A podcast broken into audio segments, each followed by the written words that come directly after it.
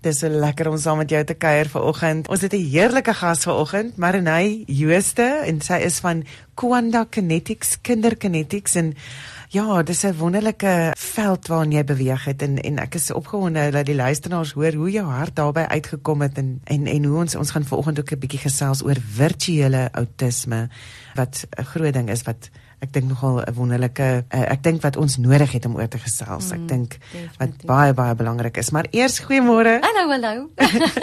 Dis heerlik om saam met jou te kuier. Hoor, vreeslik dankie vir die voorreg. En um, ja, ek's baie opgewonde en soos jy sê dankbaar om hier oor te kan praat. Um dit is iets wat op my hart druk nou al vir 'n lang ruk en ja, ek is dankbaar vir jou wat die hart het om dit wel daar uit te kry daar buite. Ja. So, ja, nee. ja, en ek ek weet dit is mos nou die program is daar so vir mense om hulle passies en hulle vreugdes te deel en hier is vir jou passie. Oeg, absoluut. Dis 'n groot passie, ja. maar maar nee, ek gaan vir jou vra al my al my gaste hoor dit en uh, vra ek uh, hoe het jou verhouding met die Here begin? En ek praat nou van daai ja. Hierdie is nie kerk toe gaan en ja. kinderkraans en my hart vir hom gee selfs nie. Hierdie is 'n ja. verhouding. Ja. Bertha Ja, kom ek sê vir jou so, ek eh, kom van die platland af.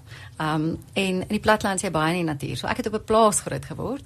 Um wonderlike pa en ma wat um van kleintyd af vir ons voorgestel het aan die Here. En ek kan nie ek glo ek is nou die dag het ek 'n gesprek met iemand. Ek kan nie onthou nê dat ek 2 jaar 3 jaar oud was wat ek spesifiek gesê het hierdie is nou dit nie, maar ek onthou ook van kleintyd af met die Here gepraat het oor alles. As my pen weg was, het ek vir hom gevra waar is my pen en dan het ek my pen weer gekry. Um en ek was in 'n koshuis, so ek moet dit nou by sê, so van graad 1 tot graad 12, nê, nee, wow. vandag is op A. Jy weet, ons ja, het nog die ja. ou tyd is op A gehad. Was jy in die Kaap? Uh, ja, nee, ek is Vrystaat. Wen Vrystaat. Vrystaat girl. Ja, um so in 'n koshuis gewees, so jou pa en jou ma sê altyd daar. Um en jy het nie altyd 'n juffrou wat vinnig gou kan help nie. So jy leer absoluut om 100% op die Here staat te maak oh, om jou go-to plek te word um, met alles. Jy weet, as jy gesukkel het met huiswerk, ek onthou het ek baie keer gebid en gevra of eksamens of um so ek het nog altyd ek wil amper sê tangible, die Here is vir my nog altyd baie tagsbaar in my lewe. Hy's wow. nie baie ver nie van kleintyd af um, het ek verskriklike intense drome ook gehad al oor die Here. Ek onthou ek was klein, my ouma was in 'n rolstoel, sy het Alzheimer, ag nee, Alzheimer ding oor net vir my. Um rheumatoid arthritis gehad. Oef, sy was 40 jaar in 'n rolstoel en um ek onthou hoe ek altyd op haar skoot gaan klim en dis dalk my verwysing ook gewees want daar was 'n spesifieke droom wat ek gehad het. Dis kom vir jou sê dit voel vir my ek kon dalk ek weet mense kan seker nie droom op twee nie, maar ek was klein nee, wat ek gedroom het hoe mens uh, hoe, hoe die Here my opgetel het. God Vader en my op sy skoot gesit het en hierdie gesprek, hierdie intense gesprek met my gehad het en net so daai liefde van die Here wat my so engulf het. Um vasgevang het. Ja, ja, gedroom het ook in die biblioteek van die hemel gestap het en hoe Jesus almal se boeke van 'n lewe uitgetrek het en vir my gewys het en gepraat het daaroor van weet so ek het um ek staan dit En jy het dit met mense gedeel om jou. Ja, ek my ouma het altyd gespot en sê vir my onthou hierdie traktaatjies Bertha. Ja. My ouma was 'n absolute uh missionary at heart geweest. Sy het altyd um die plaaswerkers geroep en Bybelstudies saam met hulle gedoen en sy het altyd hierdie traktaatjies gehad en dan sy het dit vir my gegee en dan het ek dit huis toe gevat. en dan het ek almal gefrustreer om my want ek het die hele tyd traktaatjies uitgedeel en met almal gepraat daaroor en jy weet amper half in your face gewees. Um sonder mens besef nie man as jy klein is dat jy mos nog nie lekker people skills nie. So Ja, maar ek dink um, dit is daardie uh, innocence behind it mm. dat die die onskuld en die nie nie absolute ja. passie om ja. om net te deel wat in jou hart is. Ja. ja. Nee, definitief maar ek dink waar my absolute ek wil sê amper 'n draaipunt um, gekom het was in standaard 5. So ek was in 'n um, platlandse skool gewees en toe plaas my ouers my oor na Oranje meisieskool toe in Bloemfontein. Oulala. En mm, en toe gaan ons van 'n gemengde skool setup na 'n uh, stadskool toe 80 km weg van my maale af ver van almal en alles en um dit was aanvanklik vir my skok. Ek het actually as ek terugdink dink ek ek het 'n tipe van 'n depressie vir 'n kind op daai tyd gekry. Um heeltemal met myself teruggetrek nie lekker geweet waartoe ek gaan nie en en en, en dit was ek dink die eerste tweede tweede kwartaal van my start 5 jaar het ek net hierdie intense ontmoeting met die Here gehad waar ek Bybelstudie gehou die oggend. Jy weet in die ehm um, kursus het hulle nog stilte tye gehad. Ja. Uh waar jy jou Bybel kon gaan uithaal en en ek onthou daai spesifieke oomblik waar ek gelees het en waar alles net vir my so werklik geword het en dit was amper half hierdie toppunt, jy weet mense klim hierdie Kilimanjaro uit tot op 'n punt en hier sit jy jou vlag in en jy plant hom en dit was vir my my vlag mylpaal in my lewe. Is dan net 5 wat ek spesifiek kan onthou. En van daar af het my verhouding met die Here maar net gegroei en mense kry mos my jou eps and flows. Ehm um, Ja, ek dink um, as jy nou nou my storie gaan hoor met ons um, kind en met my jy weet my huwelik en, en dan gaan jy hoor daai ebbs and flows wat 'n mens maar kry. Ja. Um, en ek dink dit is hoekom ek so passievol is oor kinders ook. As jy nou die agtergrond van alles gaan hoor. Um, maar ja, die Here is definitief is ek ek kan nie my lewe sonder die Here indink nie. Ek weet nie hoe uh, funksioneer 'n mens sonder hom nie. Hy is jou awesome in jou lewe en soos jy nou sê, gaan jy deur hierdie situasie um gister en, en en jy moet eers 'n anker hê om aan vas te ja. hou en daar is die Here jou anker vir jou. Ja, en dit um, weet jy wat was my amazing geweest in daai in in wat is toe nou ry weer van Bloemfontein af wegry en wat ek net die hele tyd wat ek hier hoor wat hy mm. sê weet kom na my toe. Kom ja. na my toe. En en wat ek weet om radiostasie nou maar gaan soek dit en bietjie net so net so bietjie na geluister na oom Johan Els en net so 'n tikkie van van van dit en net lekker weet dit sit jy net op die regte pad mm. en dan hoor jy net 'n liedjie en dit is net en dan ook uh weet my ma het 'n CD in die kar. Ekskuus ek neem nou oor. Ja, my ma het 'n CD in die kar en sy en, en ons sit hom in en en een van die liedjies is nou dis 'n land van van liefde en klank en yes. dis 'n land van vreugde en dan yeah. en ek dink myself ja dit is. Ek gaan nie ek gaan nie. Ja. toelaat dat dat die duiwel dit van my afkom steel nie. Yeah. Want hierdie land het pragtige mm. pragtige mense. Mm. Wonderlike mense in en ja, hier is almal mense wat vir my vind, net mm. bemoedig uh, op op um, op WhatsApp. Um, Annetjie wat sê ja, dankie vir jou boodskap. Dit is my baie bemoedigend en ek was gister so teleurgestel en gehuil. Ons enige God, altyd ewig getrou, met al my hartseer gee Jesus vir my. Jesaja 46 vers 3 en 4. Alle ons lof en prys, eer aanbidding aan ons koning Jesus. Mag jou program van krag tot krag gaan. Dankie Jesus. Ag, dankie Annetjie. Sy sê altyd groot genade van ons Abba Vader vir ewig.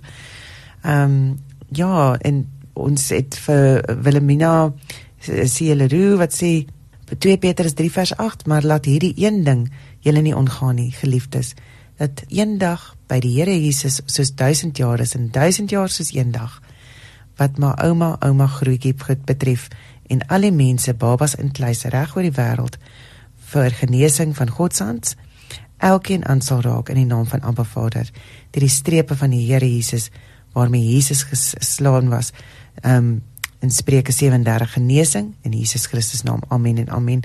Baie baie dankie. Ek meen dit is net wat 'n gemeenskap. Mm. Ons is so gelukkig om hierdie gemeenskap te hê want daar is net dis net een van ondersteuning en van liefde. Mm. So daar het jy ook uitgegaan as dogtertjie of of jong dame op daai stadium. Mm. En ek dink ook op daai ouderdom is dit normaal om om so 'n bietjie rond te tas en te vra mm. waar hoort ek en miskien so 'n bietjie jou En het jy toe nou later weer begin blom? Ja nee, ek het um, standaard 7 het my ma en my oorgeskryf Bethlehem toe. Ek is toe nou daar op hoërskool, weer terug in 'n gemengde skool en daar's niks fout met 'n meisieskool nie, ek wil net sê.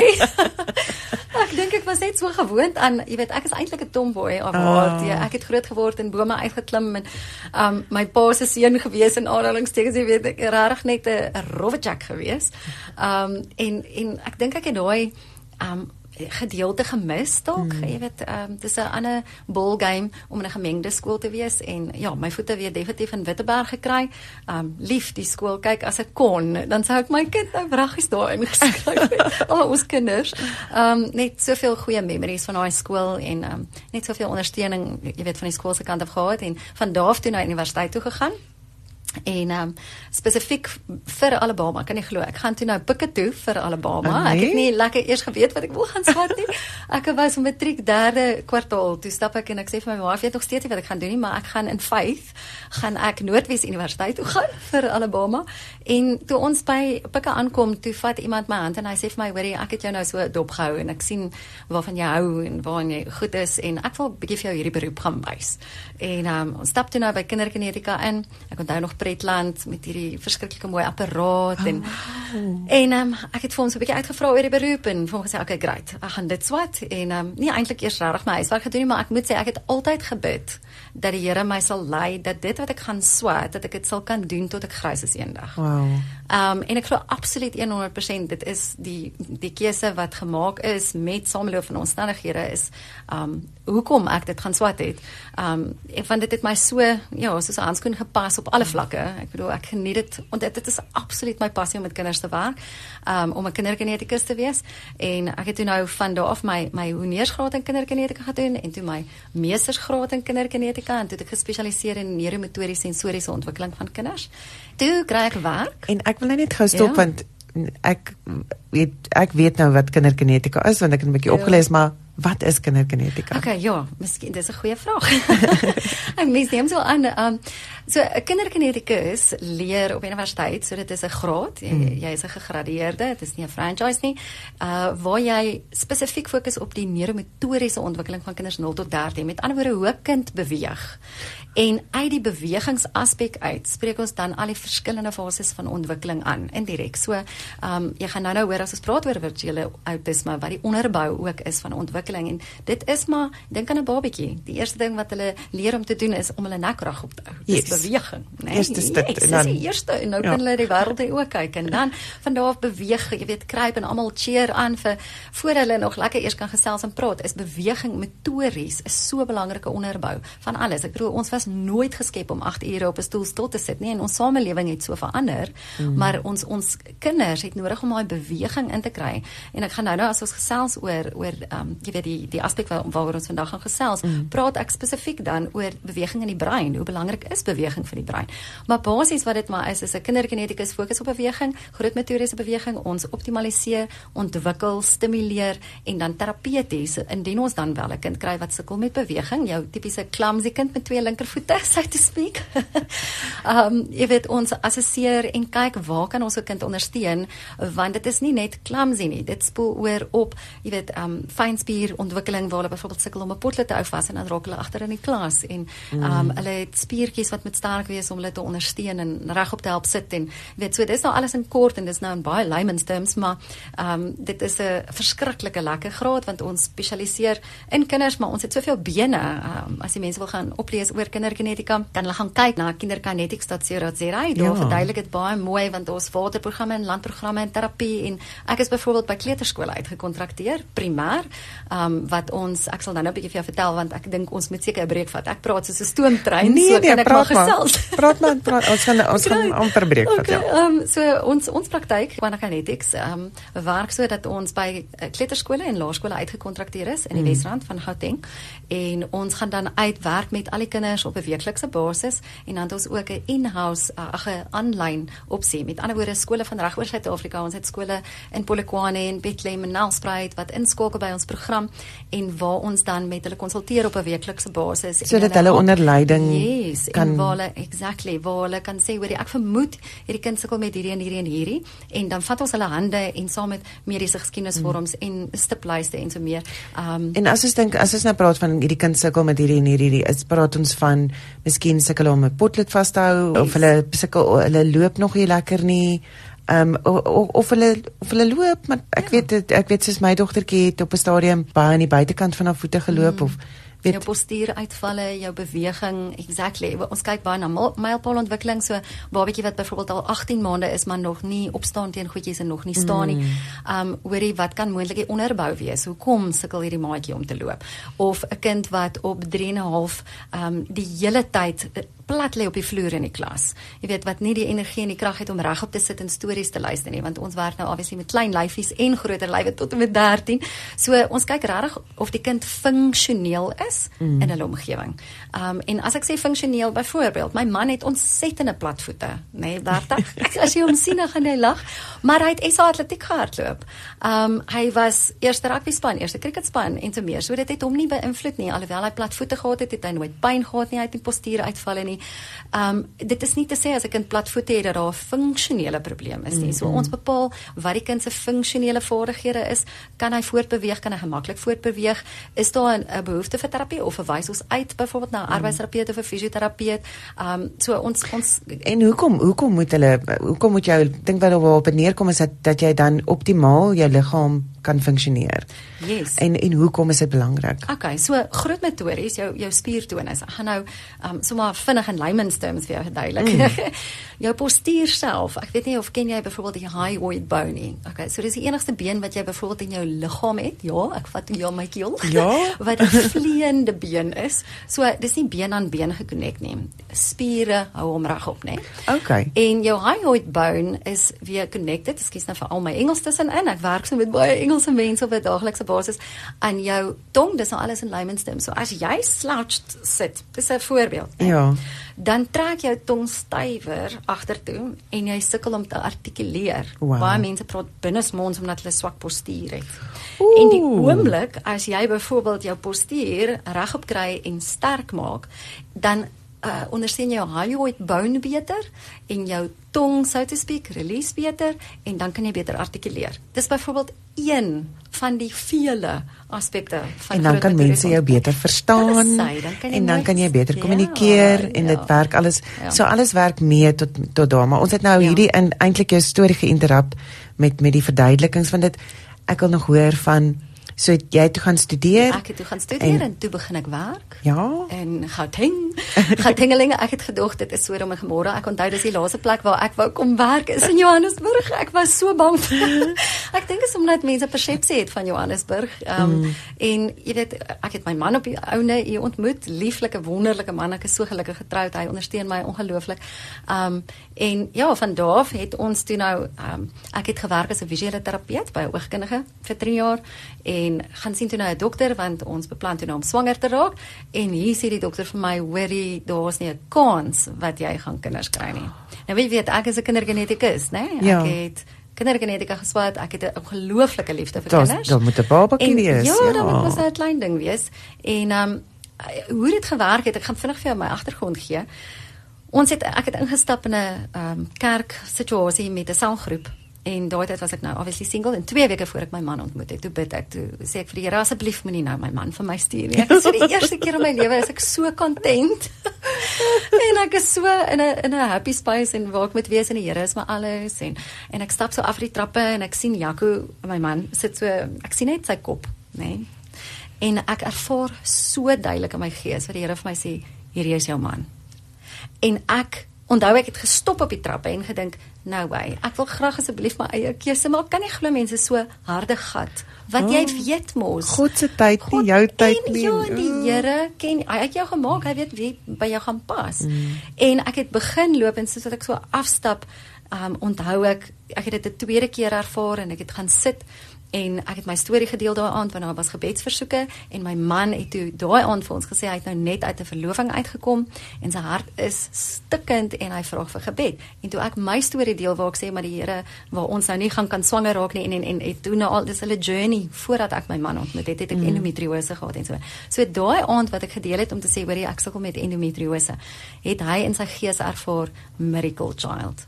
En op die einde van die dag is hy my man en op die einde van die dag het ons ons miracle child gekry. Um 9 maande later vanuit die dokter gesê sorry, julle gaan nie kan kinders kry nie. Um wow. is ek swanger en hier kry ons vir klein Boeta, Richard, ons oudste, hy is nou graad 9 in Noordheuwel en um ja, ek het die skok van my lewe gekry want ons het nie beplan om swanger te raak. Ons wou graag, maar die dokter het ons al gesê dit gaan nie gebeur nie. En ons is jonk getroud en okay, hier is ek by die huis, Bertha en ek slaan postnatal depressie soos wat jy nie kan glo nie, Sure. né? Vier mure 'n maatjie wat die hele tyd huil. Ek het 'n koliek baba gehad. Um En nou sê jy so van dis dis nou my wonderwerk. Exactly. So ek moet dankbaar wees. Presies. En ek moet hierdie wonderlike mamma wees nou en ja. nou is dit daardie Ja. skuldgevoel amper. Aha, mm. en ek sukkel om met my hierdie baba te bind. Jy weet, ek is net hy, hy was vir my so objektief. Dit was nie 'n um, hy was daar. Jy weet ek het hom skoon gemaak en droog gemaak en kos gegee, maar dit dit ek het so gesukkel om met hom te bind.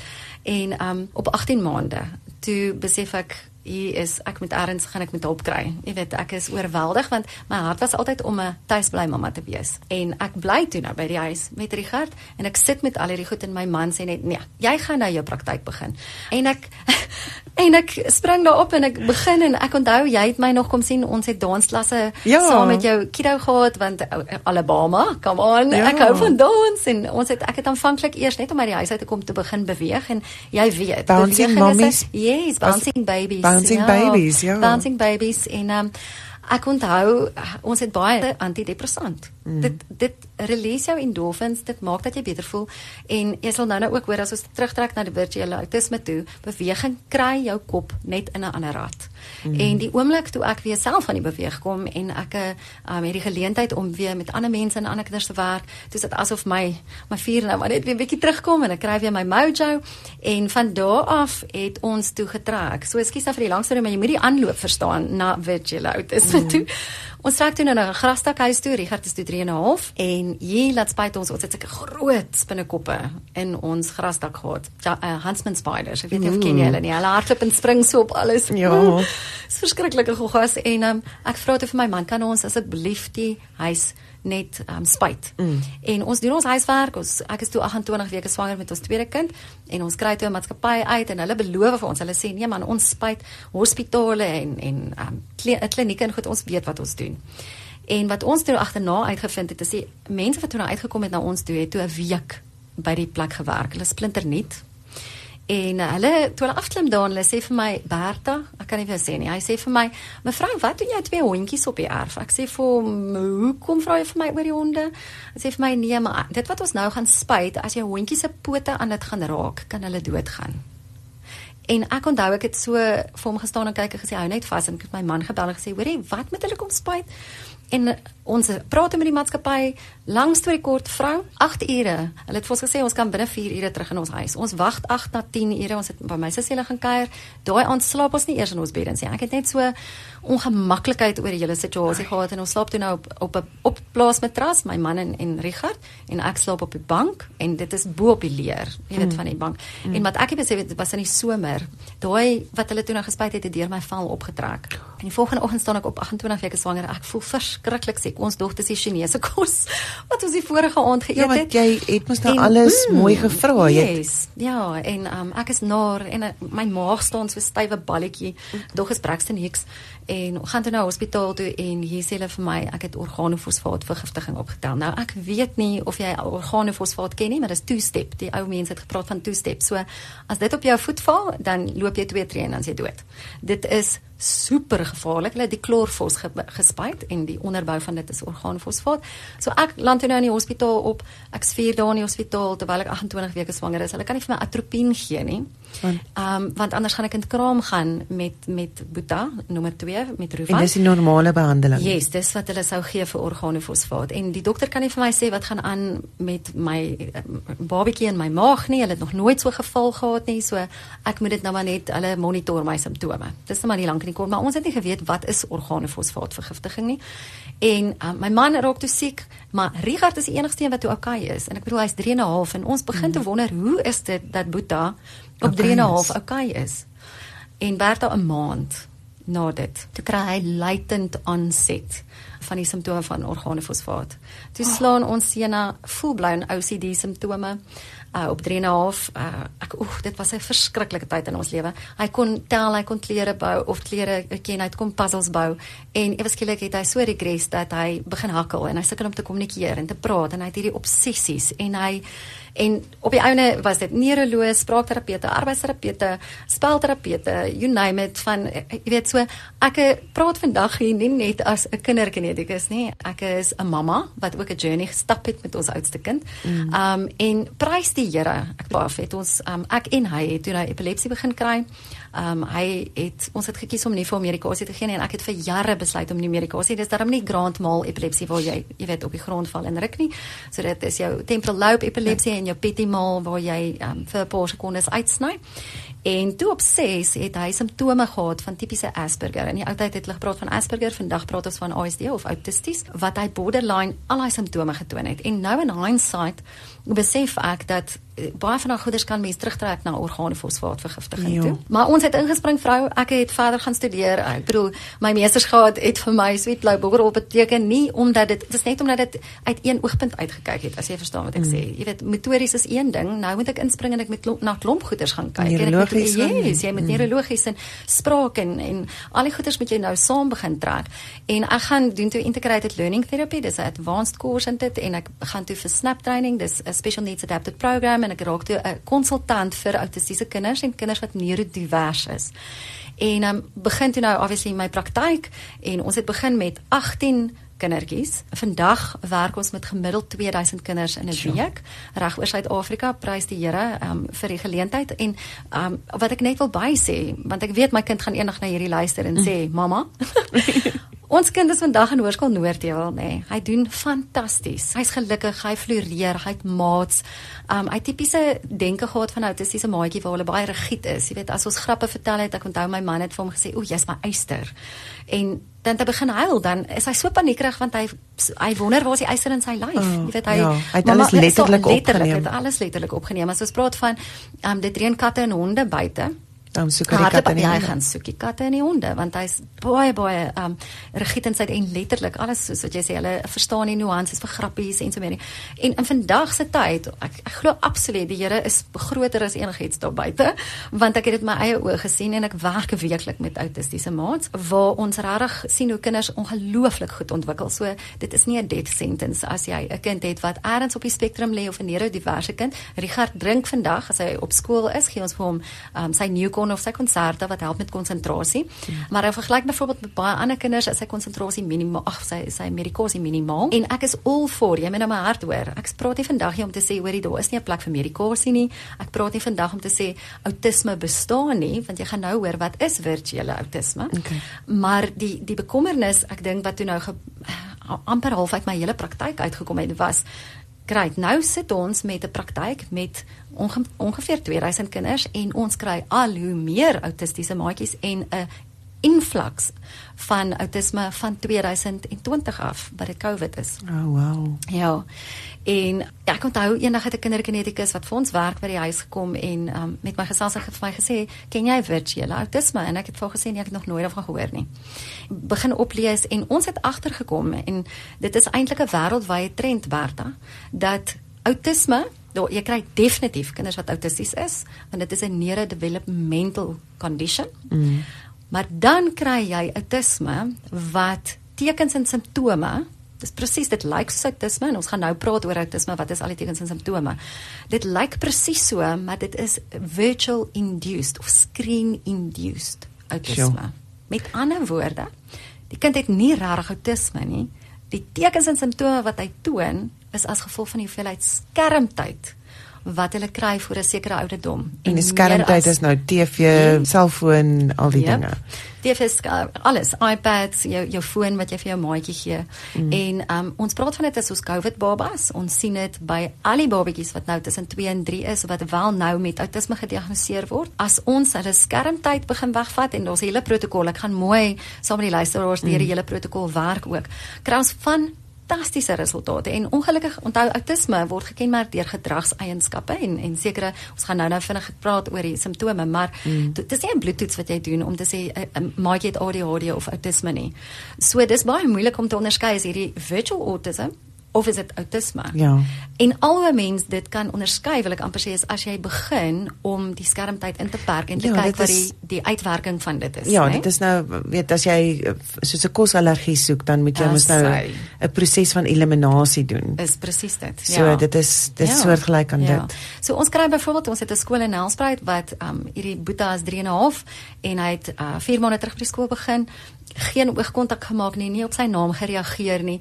Verskriklike meltdowns gehad. Ek bedoel as hy handjies verf gekry het, het hy net daar in 'n hoekie in 'n paddel begin huil.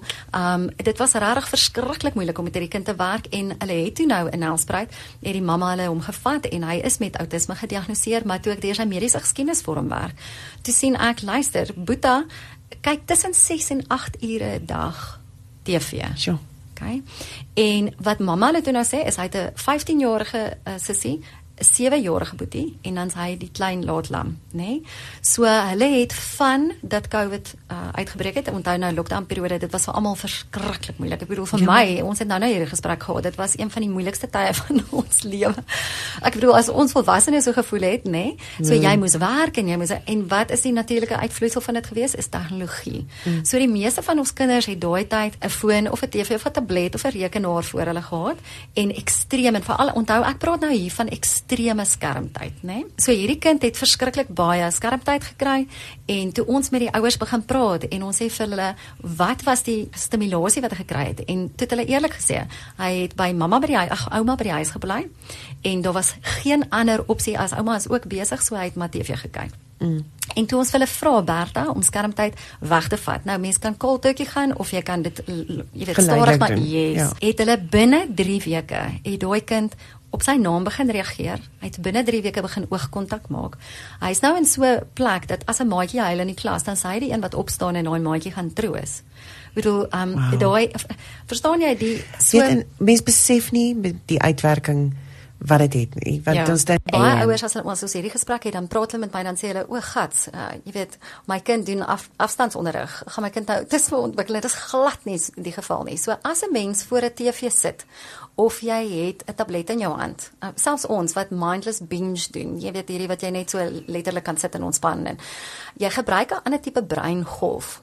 Okay, so jy gebruik jou alfa breingolwe mm. as jy voor 'n TV net sit en niks doen nie en jy gebruik beta breingolwe as jy sit en werk. So as jy as 'n volwasse in 'n sit en kognitiewe werk doen voor 'n laptop of mm. afstandsonderrig doen 'n kind, is daar ander breinprosesse wat aangeskakel word om te konsentreer en iets te leer want iemand verduidelik vir jou iets nou moet jy actually inneem en jy moet dit verstaan en jy moet terugvoer gee en so meer.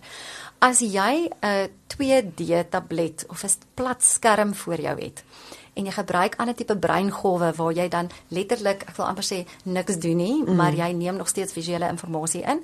Dis dan wanneer ons 'n gevaar loop. Nou kom ons gesels bietjie Bertha want ek kry baie ouers wat vir my sê, "Oké, okay, maar verduidelik vir my, hoekom is skermtyd sleg?" Jy weet, wat doen skerm ehm um, te veel skermtyd aan 'n kind se brein en aan sy sy liggaam? Kom ons gaan na die autisme en virtuele ja. autisme in die die kenmerke daarvan. Okay. Um so kom ons tel gou op. Ek wil ek lees sommer hierso want uh, die term virtuele autisme kom nie vandag van my af nie. Ek wil net seker maak die Ag nee, ons tog eers nou so super slim. so virtuele autisme is gekoin, soos wat die Engelsman sal sê, deur die Roemeense kliniese sielkundige Dr. Marius Zamfer. Okay, so hulle het wêreldwyd agtergekom nuwe kliniese gevalle studies het bevind dat baie jong kinders wat te veel tyd op skerms spandeer en spesifiek as hulle navorsing doen is dit 3 ure en op. Party ehm um, sê 4 ure en op maar ehm um, as as kinders te veel tyd op skerms dit sluit TV's, videospeletjies, tablette, rekenaars in. Hulle toon simptome wat tipies as outisme gekenmerk word Maar wanneer ouers dan die skerms vir 'n paar maande wegneem, mm. verdwyn die kind se simptome en hierdie verskynsel word virtuele outisme genoem. Okay. Dis met ander woorde outisme wat deur elektroniese skerms veroorsaak word. Nou om dit te kan verstaan, is dit belangrik om te praat oor wat is outisme? Mm. Want baie mense het nog nooit met 'n autistiese kind of 'n autistiese volwassene in aanraking gekom nie, so hulle het dalk nie nou 'n exactly, wetend in aanraking ja. gekom. So kom ons gesels bietjie oor outisme. Nou in die verlede, ek het net gister 'n lang gesprek met 'n skoolhoof daaroor gehad. Baie mense erken dalk die woord Asperger of um Aspergers. Mm -hmm. Um dit is die ou vorm van of een van die vorms van outisme. In die verlede kon 'n kind so diagnose ontvang het of hulle het gepraat van pervasive development disorder not otherwise specified, so is PDD NOS, dis 'n vreeslike lang naam, ja. Daar was Rett sindroom, dis meerendeels dogtertjies wat altyd met dit gediagnoseer was en hulle het 'n paar jaar terug besluit daar is te veel verskillende diagnoses. Ons gooi dit nou alles onder die sambreel wat sê autism spectrum disorder okay. ASD en dit is presies wat die spectrum sê dit is soos om 'n reënboog met verskillende kleure te sien daar's miljoene kleure in die reënboog mm -hmm. en nie een autistiese kind het presies dieselfde simptome as die sure. volgende een nie. Daar's groot karaktereienskappe en en gedragseienskappe waaroor ons nou gaan praat, maar dis hoekom die woord spektrum daarin is.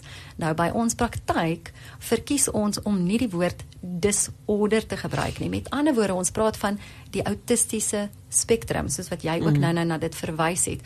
Um baie in die gemeenskap van autistiese mense verkies hulle om as autisties bekend te staan. Met ander woorde, ek is 'n autistiese persoon aangename kennis. Jy weet, uh, dat dit nie 'n disorder nie, want dit is maar eintlik neurodivers. En dan ook om weer om die stigma van dit exactly, af weg te haal, nie? Ja, nee, presies.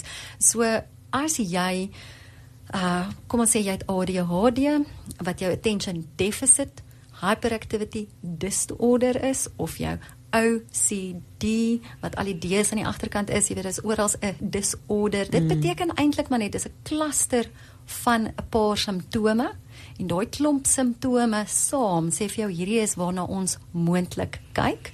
Mm. En ons verkies om om te sê jy het 'n neurotipiese kind en jy het 'n neurodiverse kind. Met ander woorde, die kind dink bietjie anders. As jy hy doen bietjie iets op 'n anderste manier, maar hy, ons almal is uniek. Ek is bitter koekie. My man sê altyd, hoorie, ek dink jy's ergens op die spektrum, want jy het baie interessante karaktereienskappe en um, ek moet sê as ek terugkyk na my kindertyd, Bertha, ons lag vreeslik lekker want kyk, daar is 'n genetiese komponent aan aan outisme en ADHD. Ek praat nou van as jy regtig autisties is. Um ek was baie mind blind toe ek hulle noem dit mind blind toe ek klein was. So mense sou grappies gemaak het van my of my geterg het. Ek was eintlik die perfekte boelie.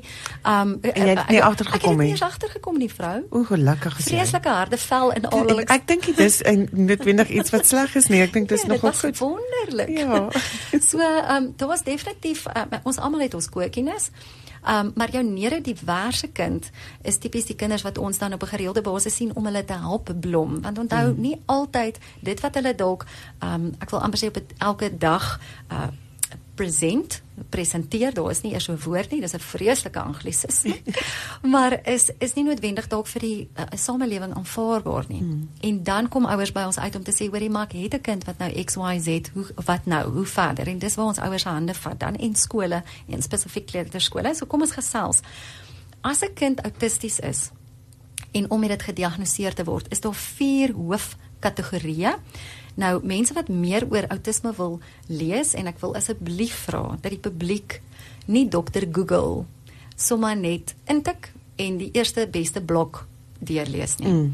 Um jy het 'n sag gesaghebende um tuiste nodig om jou te lei en die as hulle wil gaan, gaan yes en as hulle wil gaan kyk na die DSM-5 kriteria, hulle praat van dit as die mediese Bybel um so to speak, daar's al die uh, karaktereienskappe en diagnoses van alles onder die son. So is dit die die webtuiste se naam. Die, die DSM-5 kan jy net dit in Google. Dit mag jy, jy maar Google. DSM M, en dan die lettertjie 5. 5, so, die nommertjie 5. Yes, 5. Jy kan dit gaan Google.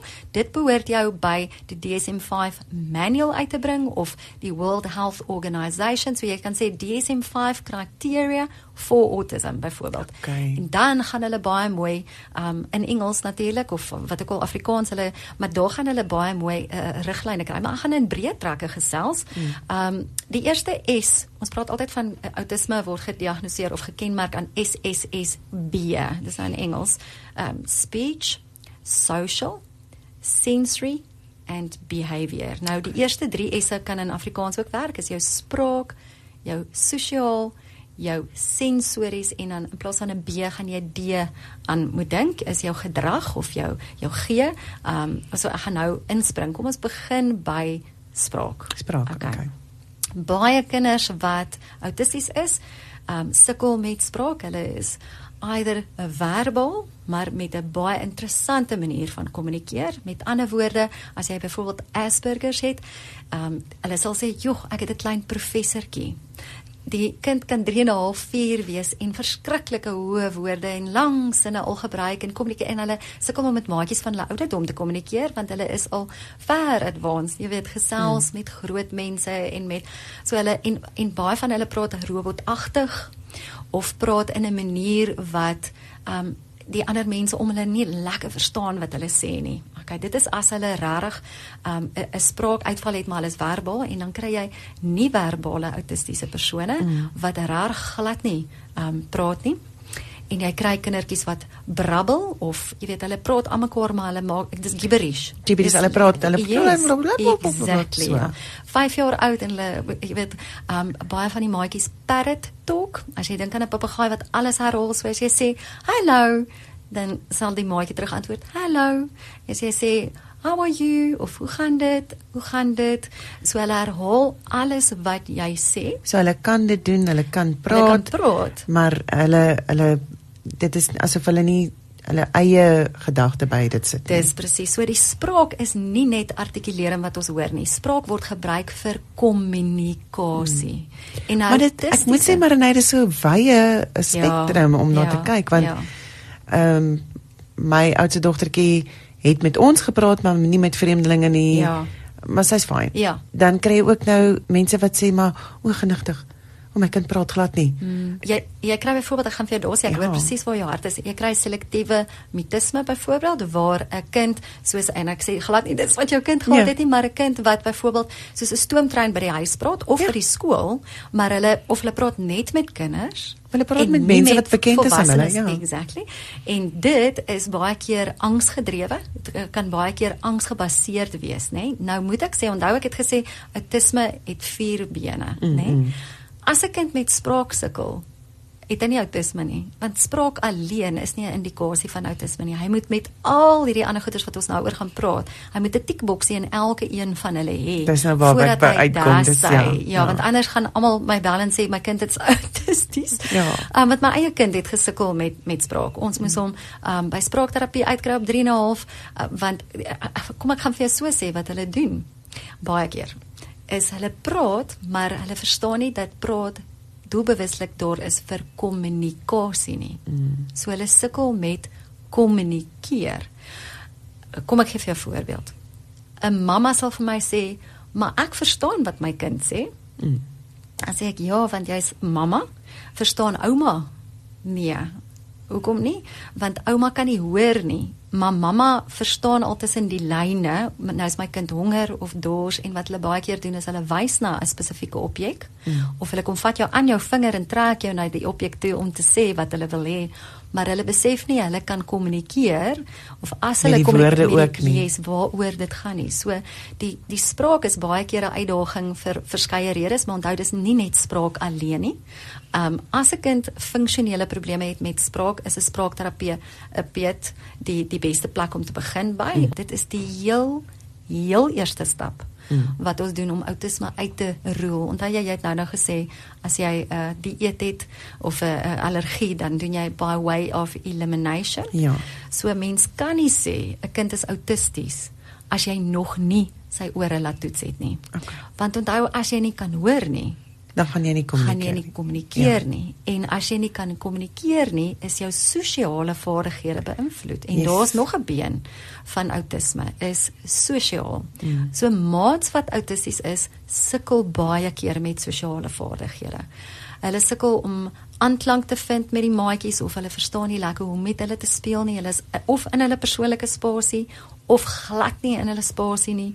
Hulle sal langs die maatjie sit en speel, maar nie met die maatjie nie. Met ander woorde, daar's en daar is 'n spesifieke ouderdom wat dit nog normaal aanvaarbaar is. Mm. Klein maatjies sit nog en observeer en kyk mekaar uit, maar as 'n kind teen 4 jarige ouderdom glad nie met ander maatjies engage nie, soos wat hulle in Engels sê. Daar is nie ehm um, enige uh intensie om te deel of my speelgoed te kom wys vir mamma. Mamma kyk, hierdie is wat ek gebou het of mamma wys. Kyk die vliegtyg wat vlieg en Boetie kyk nie vir die vinger nie. Mm. Daar's nie 'n engagement nie. So wat ons baie keer sien by die praktyk is kinders wat splinter skills aangeleer het. Nou 'n splinter skill is tipies waar 'n maatjie as ek sal sê as ek hoef nie eers te praat nie, ek sit my hand op in die lug vir 'n high five. 'n Kind wat neurotipies is, steek onmiddellik sy hand uit en gee my 'n high five want hulle sien my hand is op mm. en hulle besef dit is well done Boeta jy het nou mooi gedoen ja 'n kind wat neurodivers is of dalk op die spektrum lê as mamma hom geleer het van kleintyd af high five high five mm. hulle doen dit partykeer sommer in die middel van nêrens af high five want hulle besef nie die high five is daar as kommunikasie om te sê of sosiaal good job, nie. Good job ja. nie. So hulle sal partykeer uh, wegkyk van my af en sommer net my hand so klap. Jy weet, koop, nou, en dan gaan hulle weer en dan besef die ouers nie noodwendig dat dit uh, dit is nie aan in onderlingstekens dis aanvaarbaar vir hulle maar die die means to communicate of to engage is, is nie, nie daar by, nie by dit ja. nie ja daar's nie 'n uh, bedoeling by dit nie dis hy so ek gaan vir nog 'n voorbeeld gee as ons dis is 'n parenting weer ja, eens dis dis presies ek ja, herhaal ja ek herhaal as ons kinders kry wat instap in die praktyk, is een van die eerste goed wat ek doen, ek gaan sit op my knieë en ek uh, kyk hoe die maatjie obviously verstaan die maatjie wie ek is. Ehm um, nou moet ek by sê ons het 'n autistiese dogtertjie in een van ons kleuterskole wat sy het my van geen kant af geken nie en sy het dadelik op my skoot geklim en bo op my skoot kom sit en nie eers omgedraai om te kyk wie ek is nie sy vat enige volwassene se aan sy sal in 'n shopping sentrum saam met enige iemand wegloop oh, want hulle sukkel om 'n uh, gesiggie te herken en gesigsuitdrukkings te lees. So hulle kan nie sien wanneer iemand kwaad of gefrustreerd of ehm um, gaan jou nou vat wat die intensie is. Ek gaan jou nou wegvat. Hmm. Ehm hmm. um, dit is ook gevaarlik. Jy kry kinders wat glad nie engage nie en dan en, en ek dink dis waar die verwarring partykeer vir ouers inkom wat sê maar my kind kan nie autisties wees nie want want hulle is so vriendelik. Ja, en gee vir my drukkies ja. en daar's 'n fyn lyn om om te weet wanneer is hierdie kind autisties wanneer hulle jou glad nie herken nie nê. Nee? So as ek nou op my knieë gegaan het en ek kyk hoe hulle nou met my engage en um ek weet ek vra 'n paar vragies, dan trek ek gewoonlik my asem baie skerp in en ek kyk oor hulle skouer en dit is 'n uh, baie maklike toets wat mense ook kan doen. Ek bedoel Bertha, as jy daar sit en ek gaan gaan As ek so maak en ek kyk verby jou, hè, dan gaan jy omkyk en dink, is jy hond agter my? my? Ja, ja, ja. is daar spinnekop wat op my spring? Is daar daar moet 'n vorm van engagement wees om my te kan raak sien en te reageer op dit wat ek doen.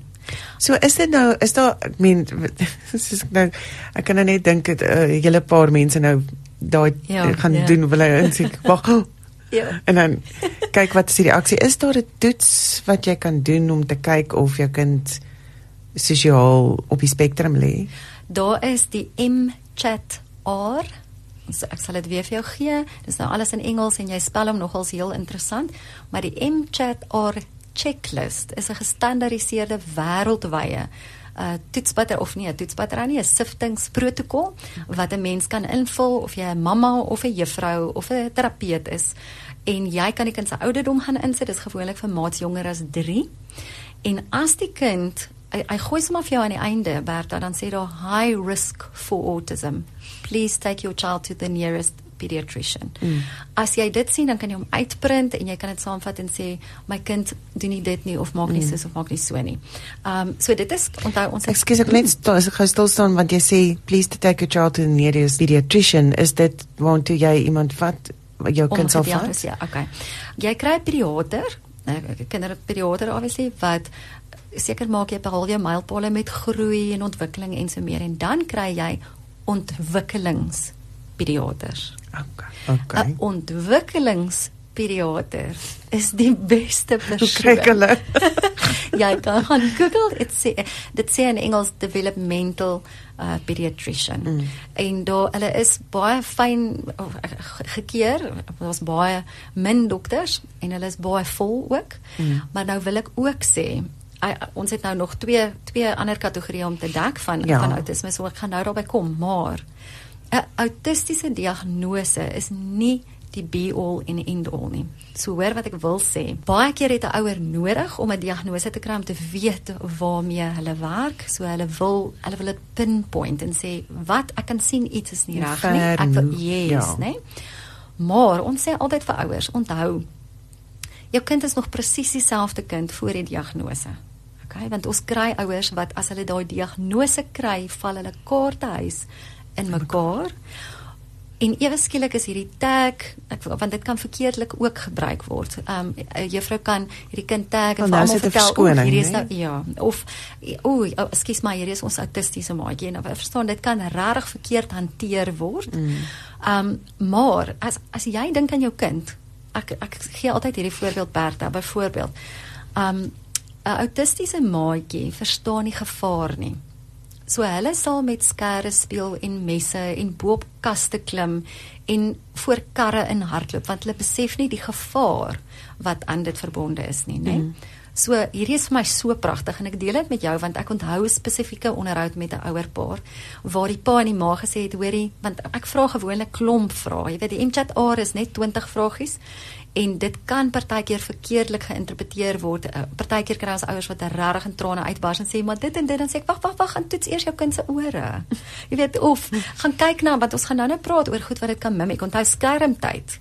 Mm, mimik is, is nou dit. Ja. Of as jou kind verskriklik sleg slaap of trauma of stres of daar's soveel goeters wat 'n invloed kan hê op spraak of onthou jy nou nog net ons gepraat angstigheid kan maak dat 'n kind sukkel met met mm. spraak byvoorbeeld, né? Nee? Um So die ouer paar het voor my gesit en vir my gesê ons het die braafste kind wat ons in ons lewe ken. En ek vra toe definieer braaf en hulle verduidelik presies dit vir my. Jy weet, mes gooi, spring mm, en en en, en klim op alles en verdwyn oral op dakke en so. Um en toe die persepsie daar is dat dit die diagnose nou sê dis autisties. Nou onthou braaf is 'n positiewe eienskap. Nee, ja. dit is ek sien my kind as hierdie brave child onmiddellik was die ouers se um ek wil amper sê aantrekking nou na die negatief toe van die die kwaliteit. Is nou oh, my kind is nou autisties. En ek is soos maar wait a minute wat het dit verander? Wat het nou gemaak dat jy julle kind in 'n ander lig sien? Want mm. voor hierdie diagnose was hy julle brawe kind. Mm. verstaan jy wat ek sê? Is daai wat jy vanoggend gelees het van Filippense het my so geraak want put your mind to everything that's beautiful and uplifting. En soek jy goed in dit. So 'n diagnose, as jy 'n diagnose kry, moet jy kies om te sê die diagnose sê net dat my kind 'n klaser van simptome het en nou verstaan ek my kind dalk beter. Waar ek pro diagnose is as is as die ouers meer grys want ons sien dit ook. Hulle kry pak slaaf vir alles want hierdie kind is stout in aanhalingstekens en die oomblik as hulle weet waarmee hulle werk of dit nou ADHD of outisme of maak nie saak dan is dit asof daar 'n grys inskop en sê o maar my kind is nie aspris nie. Sê ja, my kind doen dit nie aspris nie, maar daar's 'n ja. manier hoe ek dit kan doen. So hulle kan hulle ja. nog steeds verantwoordelik hou om ja. om om hulle moet nog steeds sosiaal en hulle moet nog steeds jy leer nog steeds die gedrag wat aanvaarbaar is. Ja, die aanvaarbare gedrag van. In die proses het jy net geduld. Jy ja. gee nie nou meer pak en jy jy reageer nie met ongeduld nie. Um so ek dink dit is wat vir my belangrik is. So ons het gepraat oor spraak, wat die kommunikasie is, die ekspressief, die verbal, die nie-verbal. Um dan die sosiaal het ons oor gepraat is hulle vorm nie 'n funksionele band nie mm. nê nee, is die sosiaal hulle sal net jou gebruik as 'n objek om sê maar melkies vir hulle te gaan haal en te gee en daar gaan hulle weer. Um, dan sensories. 'n kind kan hiposensories wees of hipersensories mm. wat ons in ons geval sien by die praktyk en die meeste van die ouers sê dit ook um, kinders is veral verskriklik sensitief. Jou autistiese maatjies vir klank So die meeste van die maatjies as 'n ehm um, haardroër aangaan, as 'n vacuum cleaner opgestart word in die huis, as daar 'n grasnyer aan die buitekant is, sit hulle hulle handjies oor hulle ore. Mm. As 'n maatjie begin huil in die klas, dan begin hulle ook huil en sit hulle hande oor hulle ore. So hulle is ontsettend sensitief vir klank. Ehm um, jy kry jou hyposensitiewe kind. Hypo beteken jy registreer nie amper eers die sensoriese inligting nie. Dis as 'n maatjie hardloop en val en 'n snymerk het en bloei of skaafmerke. Hulle staan net op en loop aan en besef nie, maar ek het nou verskriklik hard geval nie. Daar's nie Is dit ook uh, kinders wat dalk hulle hand op 'n warm plaas sal neersit en dit nie agterkom nie? Daai is 'n refleks, so 'n warm plaat gaan nie deur jou sensoriese stelsel na jou brein toe om geïnterpreteer te word nie. Dit is 'n refleks, 'n beskermende refleks wat net na jou ruggraat toe gaan. Okay. En dan as jy jou hand neersit, gaan hy hom outomaties wegtrek. Ja. Maar wat wel gaan gebeur is hy gaan sy hand wegtrek en hy gaan dalk ehm um, blaasies hê en en brand en dalk bietjie huil maar nie regtig so dat jy kan besef jou kind het nou ernstig seer gekry nie. Mm. Ehm um, hardloop, stampie kop, jy weet 'n hiposensoriese kind wat byvoorbeeld daai input soek soos in ons in Engels sê vir beweging waar hulle byvoorbeeld ehm um, ure sal draai en swaai en want hulle kryf daai beweging. Hulle is busybodies, hulle spring op alles. Dit kan verkeerlik ook as ADHD gesien word, want dit kan 'n sensoriese been wees. Mm. Hulle soek net daai input wil ek sê. Um en dan kry ons kinders en onthou jou jou sensories beteken dis nie funksioneel nie. Nou wat bedoel ek met dit? Um as ek na jou toe gaan stap in die publiek en ek vat jou hare ewe skielik en ek ryk dit en ek is hier al in jou klere. Ek bedoel jy gaan super ongemaklik voel. Mag 'n bietjie ja. Jy is dan 'n bietjie terug nou. Exactly. Jy is nou my spicy, né? Nee? Um baie maats doen dit. Hulle ryk aan alles, hulle lek alles. So hulle soek daai input. Mm. De, ek praat weer van dis nie funksioneel nie. Met mm. ander woorde as ek 'n volwassene is en ek sny my kuif die eerste keer Och, nou plaat dit my vir 2, 3 dae en is in my gesig, maar dan raak my brein gewoond aan daai input. 'n mm. Maat wat sensories ondersteuning benodig is iemand wat byvoorbeeld die sokkies plaam nie net die eerste 2-3 weke van die winterseisoen nie. Daai tags van die klere is 'n permanente probleem in die huis. Mm. En nou wil ek weer sê 'n maat is nie autisties as hy net 'n sensoriese probleem het nie. Mm. Okay.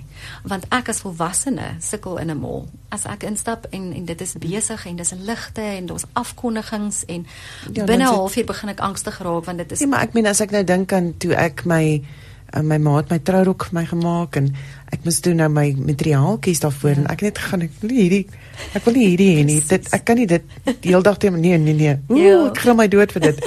Daar is ja. alledaagse aspekte ja. van dit wat ook in in jou lewe kan inspel. Ja. Maar as jy dit dan kombineer met die spraak, spraak en die sosiaal en, en dan saam met die sensories, sensories en, ja, en dan die nou laaste een. Die vierde been is die gedrag. Ja. Okay, nou as ek praat van gedrag, ek praat nie van stoute gedrag nie. Ek praat van gedrag wat repeterend is. 'n Maatjie wat amper jou OCD, jou obsessive compulsiveness het wat mm. goed oor en oor doen 'n deur oop en toe maak oop en toe maak. 'n uh, 'n karretjie se wielietjies vat en daai karretjie se wielietjies al in die ronde draai. Nou weer eens 'n karretjie word gewoonlik gestoot mm. en gebruik vir die purpose ek ja geresie sinema nou draai ek die karretjie om gebruik hom nie vir wat hy geskep is nie. Ek kyk net na daai wielietjies vir ure en ure okay? Um interessant ook 'n maatjie wat autisties is sukkel om verbeelding te hê. So as ek vir hulle uitveer gee en ek sê, "Wow, kyk bietjie, wat gaan ons met die uitveer kan doen?" 'n Tipiese kind sal 'n uitveer kan gebruik en rondjaag met hom. Soos 'n karretjie. Soos 'n karretjie. 'n ja. Autistiese maatjie sien 'n karretjie nie in 'n uitveer raak nie. Jy weet hulle is baie rigied. So dis baie belangrik as jy 'n autistiese kind het, dis sommer nou terloops wat ek nou aangooi mm. dat as jy vir hulle byvoorbeeld die alfabet leer, om nie vir hulle te sê ah, is vir appel nie. Want hulle gaan vir die res van hulle lewe hulle lewe sê ah, is vir appel. Maar, maar a kan vir appelkoos ook maar wees. Maar wat moet ek nou vir hulle sê? Vir, jy leer vir hulle non-stop alles. Jy sê vir hulle alles in een. As ek oor 'n pad stap, boeta mens kan die pad by 'n sebra streep oorsteek, maar Partykeer kan 'n mens nie, want ons staan hier in ons karre. Nou kan ons 45 grade oorstap. Jy kan stap terwyl jy my hand hou vas, jy kan stap terwyl jy my om die lyf hou vas. Jy kan my daar's verskillende maniere as jy vir hulle van die eerste keer af net een manier leer. Hmm. En jy stap nie tot by 'n sebra streep om oor 'n pad te gaan nie. Dan het jy 'n kind wat on onmiddellik 'n meltdown het. Yes. Want dit pas nie in my reëls van my brein nie. Dis die reëls wat jy gekry het nie. Ja, ja. So jy moet ek, ons praat van dit as vir algemeening. Jy moet alles wat jy vir 'n kind leer vir algemeen. Sjoe, dis ja, ja. dis oorweldigend. Dis oorweldigend. Dis oorweldigend om daaraan te dink. My kind gestap. Ja. Dan ry ons na 'n partytjie toe en dan um, nou, dan moet jy 'n pitstop maak, né? O, jene, maar ons is dan op pad partytjie toe, mamma. Ja. Hoekom ons kan nie nou stop nie. Ja. Ons moet by die partytjie kom. Ons moet by die partytjie kom en dan kom die wiele af. Okay. Um so gedrag is um rigiede denke, um sukkel met verandering. hou van rotine.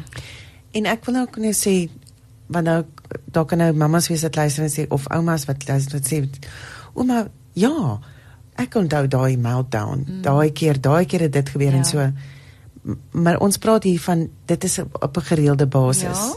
Dis 'n gereelde basis. Dis, dis nie as jou kind moeg is of nie geëet het of 'n lang dag gehad het nie. Onthou kinders oor die algemeen sukkel met 'n volwassene se tyd. Tantrums gebeur. Jep tantrums gebeur, meltdowns gebeur, enige tipiese ontwikkelende kind kry ook hulle oorstimulasie daar. Ja. Hierdie is as dit funksioneel nie volhoubaar is nie. Mm. Dit meng in met die kind se alledaagse aktiwiteite by die skool by die klaskamer, as hulle speel, as jy restaurant toe gaan, is dit oorweldigend. Ons kry die ouers, kyk van 18 maak het nou al 'n oog vir autistiese maatjies, so ons tel al autistiese babas op. Hulle doen stimming, ons praat van dit in Engels as stimming. Dis waar jy jou handjies byvoorbeeld sal klap langs jou gesiggie om jou te probeer kalmeer of jy sit en wieg in die klas of jy draai al in die ronde. Yes. En is iets wat jy herhaaldelik yes, doen. Iets wat jy herhaaldelik doen. Maar van 18 maande af is dis nog 'n goeie benchmark. Jy kry baie kinders op 18 maande gediagnoseer met autisme. Mm. Maar die ouers, wanneer ons ouers kry wat ons kom soek vir hulp, is gewoonlik van 3 jaar ouderdom af want nou is hulle verby die terrible twos wat almal sê ag dis normaal. Mm -mm. Hierdie is oukei. Okay.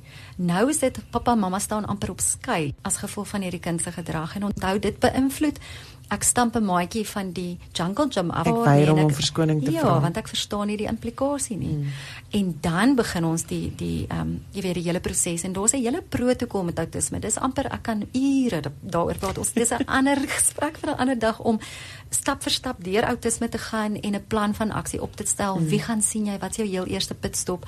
Wat doen jy by die huis met gedrag en en stimulasie en dissipline? So nou kom um, ons ons trek om deur na virtuele yes. autisme toe. Is ja. is dit baie van die simptome dieselfde? Presies. Dit is wanneer kinders nou byvoorbeeld nie op hulle naam reageer nie, nie oogkontak maak nie, nie engage nie. Hulle is in hulle eie wêreld.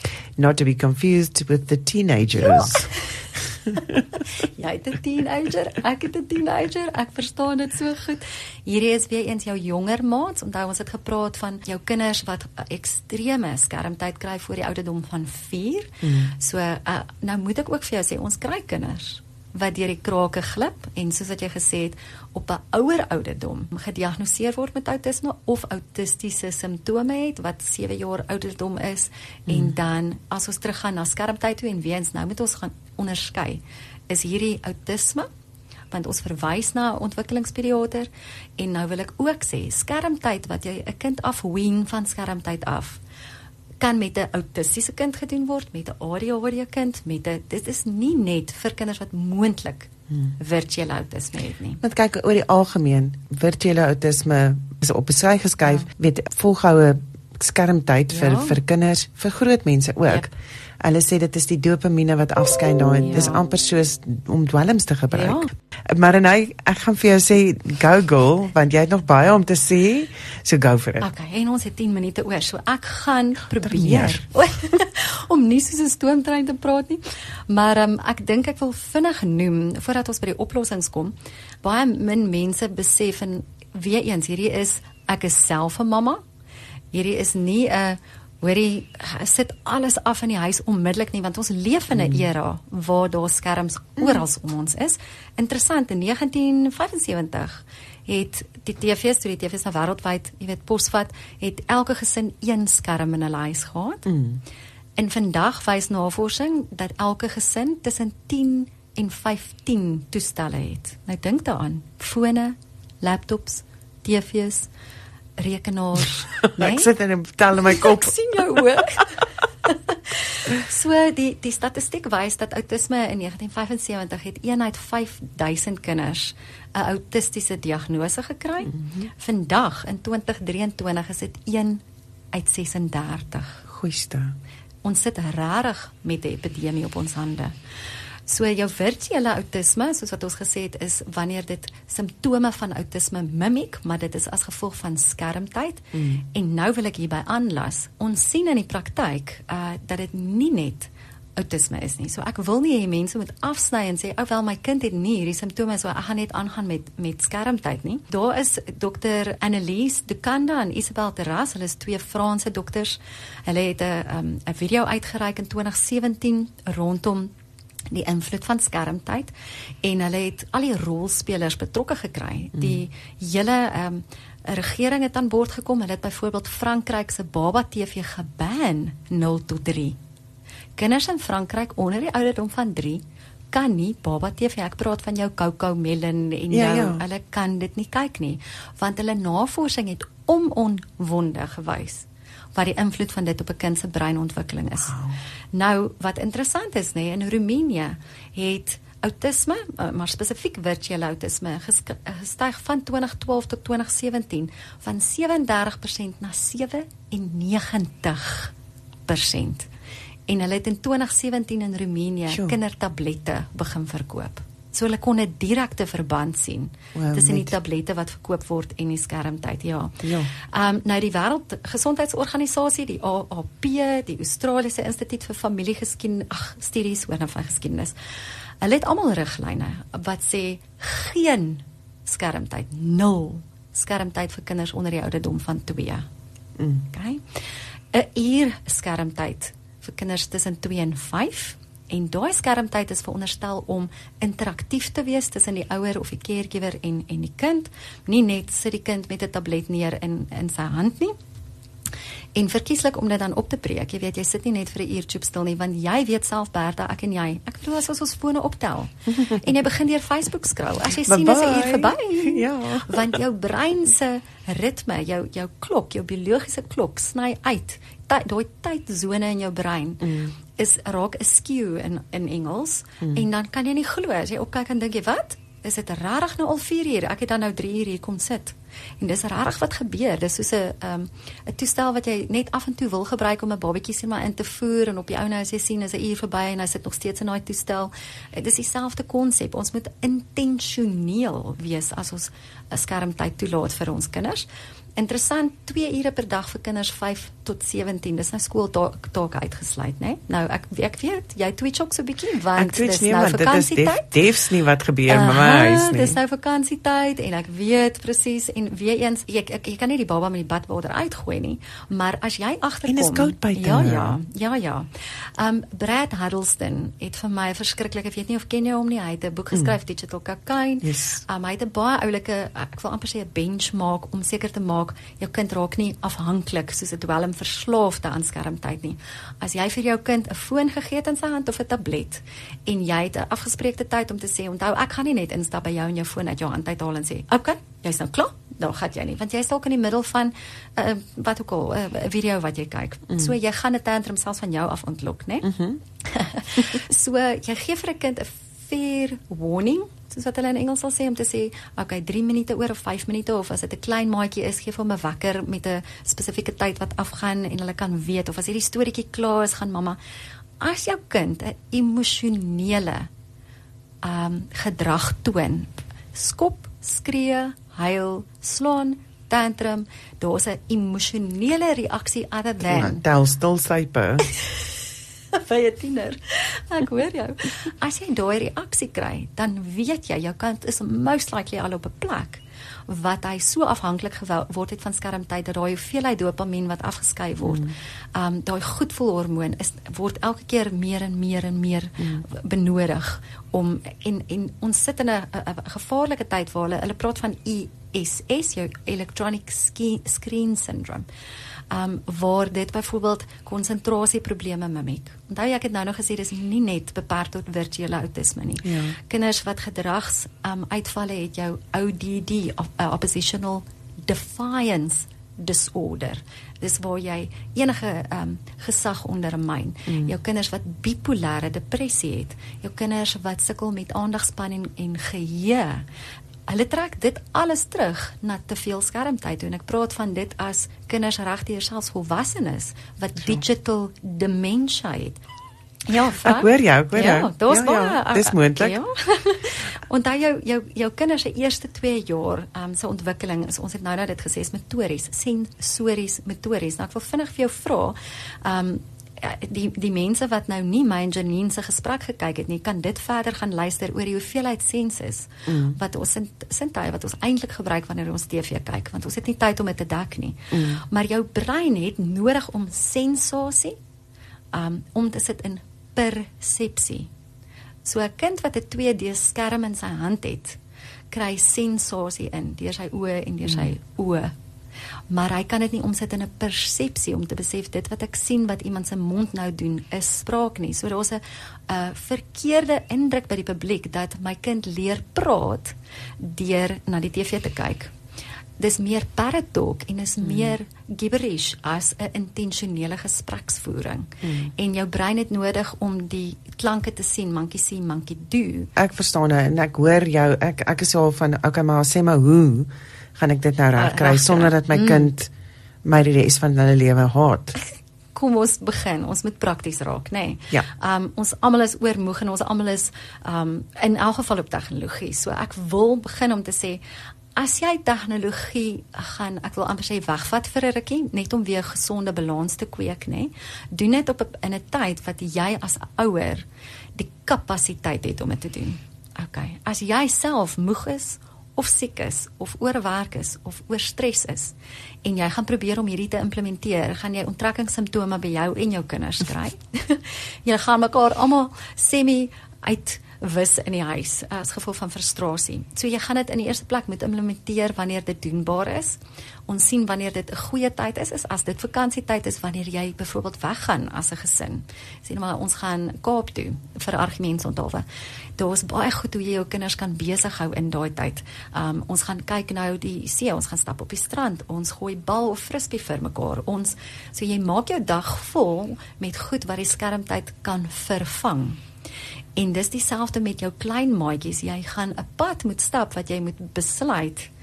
En dit gaan nie net 'n een Ek dink vir die klein maatjies is daar nogal redelik ek meen klei speel, ja. daar's puzzle bou, yep. daar's teken, daar's verf, daar's boek lees en die dinge. Ja, speel buite in die sand, um klim boom, baie min mense deesdae bome, maar jy moet jou kinders besig kry en aan die gang kry en dit is wat ek wou sê, jy gaan jou skermtyd moet vervang vir 'n ja. rukkie met Ja, met um, daadwerklik yes, as ouers sê kom ons, ons ons doen nou dit, kom ons doen speletjies, kom ons doen dit. Ja, mm. ja. en onthou ek is 'n kinderkinetikus.